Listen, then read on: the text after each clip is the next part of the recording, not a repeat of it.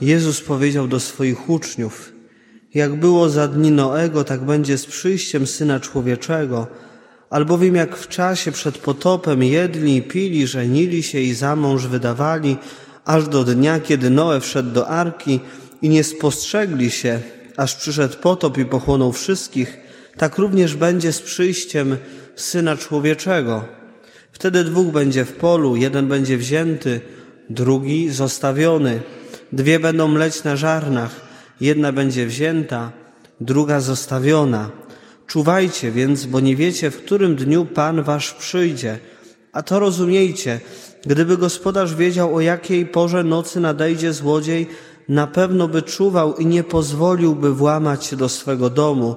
Dlatego i wy bądźcie gotowi, bo o godzinie, której się nie domyślacie, Syn Człowieczy przyjdzie. Umiłowani w Chrystusie Panu, drogie siostry, drodzy bracia, każdy z nas potrzebuje czasu na sen. W swoim życiu spotkałem kilka osób, które były chore na bezsenność. Pamiętam, że rozmowy z tymi ludźmi to rozmowy o wielkim cierpieniu. Te osoby bardzo żaliły się na swoją chorobę. Jak trudno jest żyć człowiekowi, który nie potrafi zasnąć, bo przecież organizm potrzebuje czasu snu. Można powiedzieć, że sen jest lekarstwem na nasze zmęczenie. W czasie snu nasz organizm się odnawia. Zasypiamy zmęczeni, budzimy się pełni sił do życia. Sen dostarcza energii, odświeża umysł. Można też tak troszeczkę filozoficznie powiedzieć, czy metafizycznie, że sen jest wyprawą do jakiejś innej, tajemniczej rzeczywistości. I Biblia też wiele mówi o snach. Mamy przecież w Starym Testamencie chociażby sny Józefa, sen Jakuba, Hioba, w Nowym Testamencie sen świętego Józefa, sen żony Piłata i wiele, wiele innych momentów. Sen jest tą przestrzenią boskoludzką, jest także przestrzenią spotkania z Bogiem. Jan Kochanowski pisał o snach w taki sposób, pokazując, że sen jest przygotowaniem do śmierci. Pisał tak: śnie, który uczysz umierać człowieka. A więc sen jest bardzo ważny w naszym życiu. Ale tak samo jak ważny jest sen, tak samo jest ważne życie. Tak samo jak potrzebujemy snu, tak samo potrzebujemy gdzieś tą energię, którą uzyskujemy, która się odnawia, potrzebujemy obudzić się i tą energię wykorzystać. Drogie siostry, drodzy bracia, dlaczego o tym mówię? Ponieważ na początku tegorocznego Adwentu święty Paweł bardzo dobitnie mówi nam,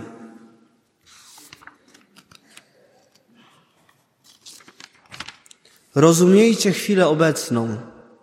Rozumiejcie to, co jest tu i teraz. Teraz nadeszła dla Was godzina powstania ze snu.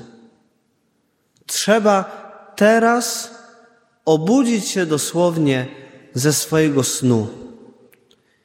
I święty Paweł nie ma, na, nie ma tylko na myśli tego snu, który jest odpoczynkiem fizycznym, ale nieraz tkwimy w takim śnie, letargu duchowym, takiej monotonii, rutynie życia. Święty Paweł zachęca nas. Obudź się do życia. Teraz nadeszła dla Was godzina powstania ze snu. Zbawienie jest bliżej nas niż wtedy, gdyśmy uwierzyli. Noc się posunęła, a przybliżył się dzień. Trzeba nam obudzić się, by podjąć kolejny dzień. Trzeba nam obudzić się, by podjąć kolejny adwent. I święty Paweł, i zarówno też Izajasz podpowiadają nam, jak ten adwent przeżyć, do czego mamy się obudzić. Najpierw Izajasz mówi tak: chodźcie, wstąpmy na górę pańską, do świątyni Boga Jakuba. Czyli wejdźmy jeszcze głębiej w relację z Panem. Wejdźmy do świątyni, wejdźmy do kościoła, do wspólnoty.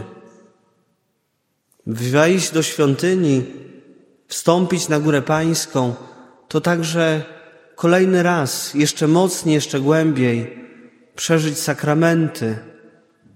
Czas Adwentu to czas, kiedy chcemy szczególnie przeżywać sakramenty, które daje nam Pan Bóg w Kościele.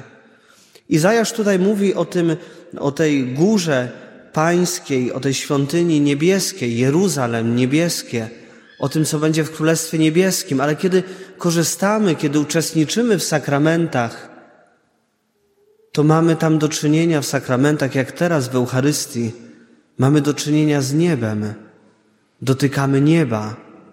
A więc już tu na Eucharystii, w sakramentach, możemy przystąpić do nieba, możemy zasmakować nieba. Dlatego Pan Bóg przez Izajasza zaprasza: przyjdź, zasmakuj nieba. Przyjdź w tym adwencie. Są, kochani, różne propozycje, przecież są roraty. Zazwyczaj roraty nam się kojarzą z dzieciństwem. I chyba dobrze, że tak jest. Mamy w sobie coś takiego, co się nazywa pamięć emocjonalna. I bardzo emocjonalnie każdy z nas, myślę, zapamiętał roraty, jak chodziliśmy z lampionami, śpiewaliśmy pieśni, piosenki. I dobrze, że mamy takie pozytywne wspomnienia z dzieciństwa, które bardzo mocno wpisały się w naszą świadomość, w nasze serce.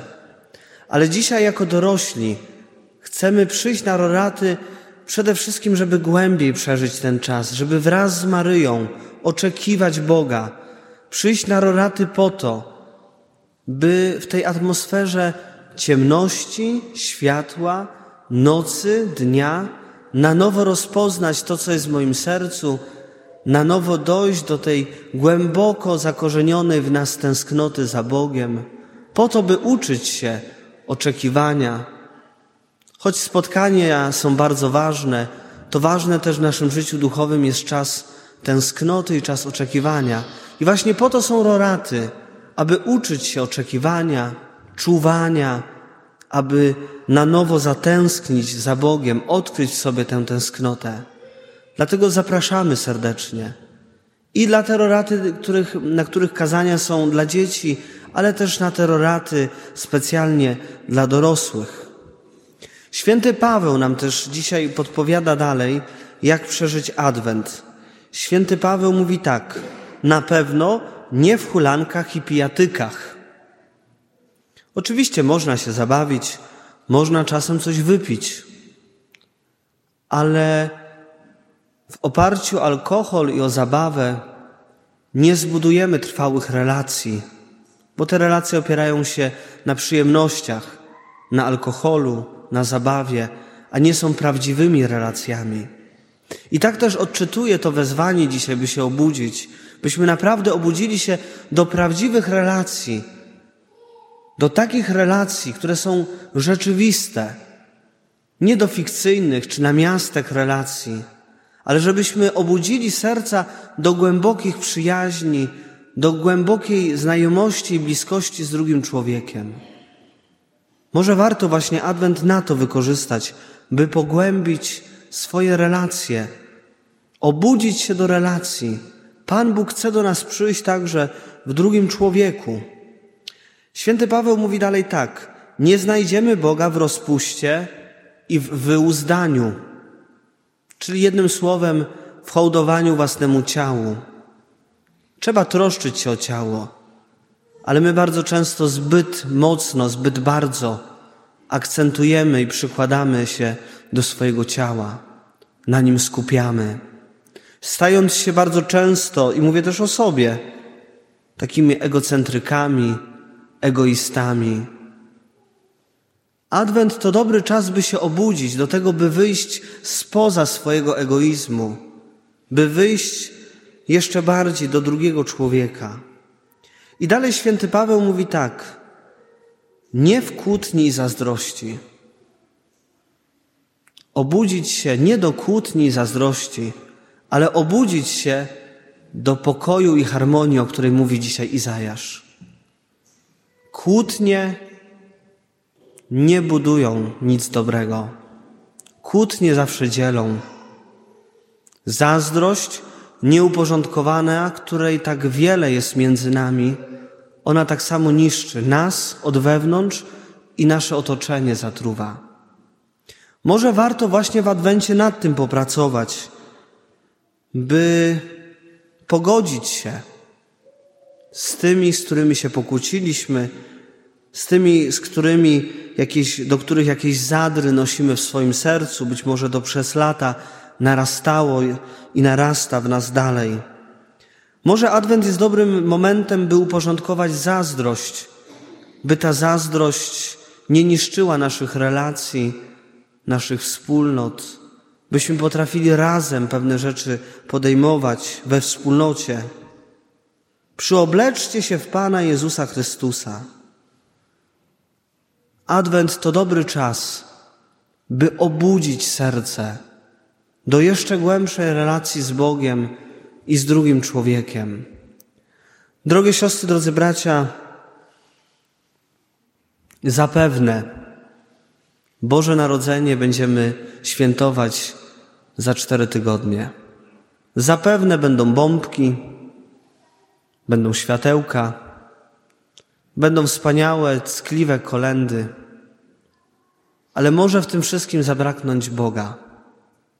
Może być tak, jak dzisiaj w Ewangelii Jezus mówi, jak za dni Noego. Jedli, pili, żenili się, za mąż wydawali, byli zajęci sobą i nie spostrzegli się, że nagle zaczęła pojawiać się woda, która ich zalała. Może być taki z nami, że nie spostrzeżemy się, nie, nie odkryjemy, nie zobaczymy Boga, który jest w centrum, który do nas przychodzi. Drogie siostry, drodzy bracia, życzę Wam takiego przeżycia Adwentu, żebyśmy obudzili serca, żebyśmy na nowo Boga odnaleźli. I w tym, co duchowe, ale też w tych naszych relacjach międzyludzkich. Amen.